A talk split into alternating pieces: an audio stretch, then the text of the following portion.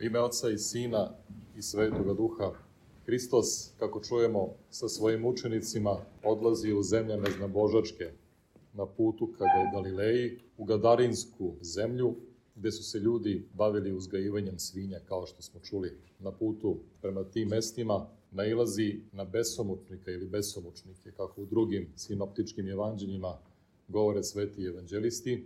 Nailazi na čoveka koji nije bio odeven, bio je nag i živeo je među grobovima, dakle nije živeo u kući kao i ostali ljudi, nije se oblačio, bio je nag, živeo među grobovima i plašio prolaznike koji su na putu do svog sela ili svog grada morali da prođu pored ovog mesta, pored ovog groblja.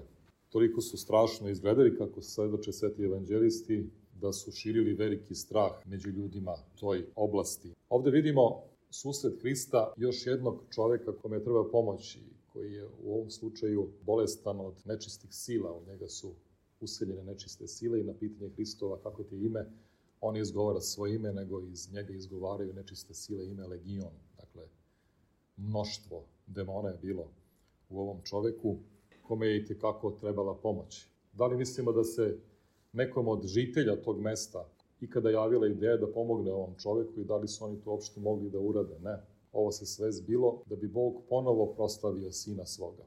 I pošto je gospod isterao demone, oni su otišli u neko krdo svinja koje je mirno do tada paslo na nekom brežuljku i istog momenta to krdo svinja se survalo bezdan u jezero. Ljudi koji su to posmatrali, žitelji te oblasti, ljude je obuzeo veliki strah, kako svedoči sveti evanđelist.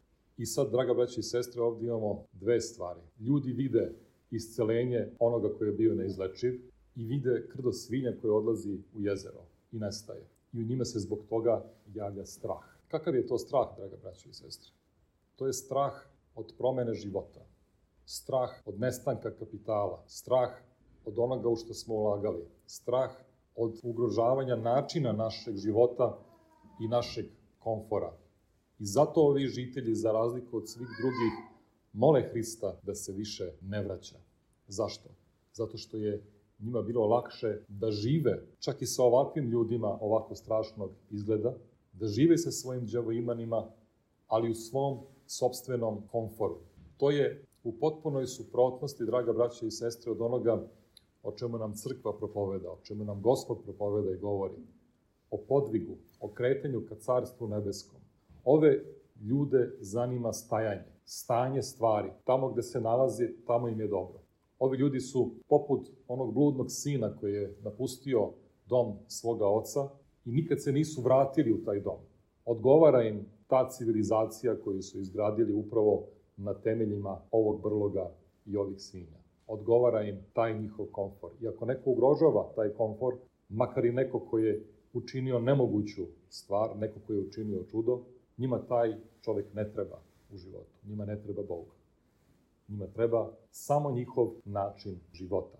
I sada zaista treba da se pitamo, gde se mi prepoznajemo u ovoj priči? Gde smo se prepoznali u svemu ovome? Da li u ovom izlečenom besomučniku, čije izlečenje Gospod pruža svakom hrišćaninu svetom tajnom krštenja i neprestanim učestvovanjem u tajnama crkve?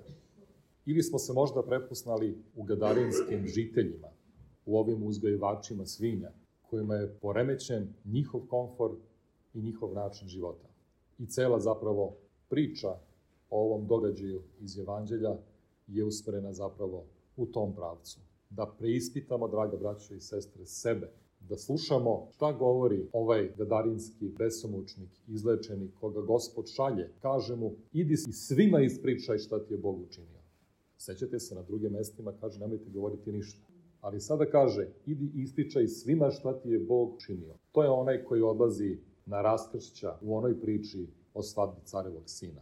Na raskršća neznabožačkog sveta, koji su polako, ali sigurno postajali sledbenici i učenici Sina Božijeg, gospoda Isusa Hrista. A onda kada je vreme sazrelo, gospod je poslao se toga apostola Pavle prvo u taj svet i da njima svedoče evanđelje, radosnu vest o gospodu koji je došao među ljude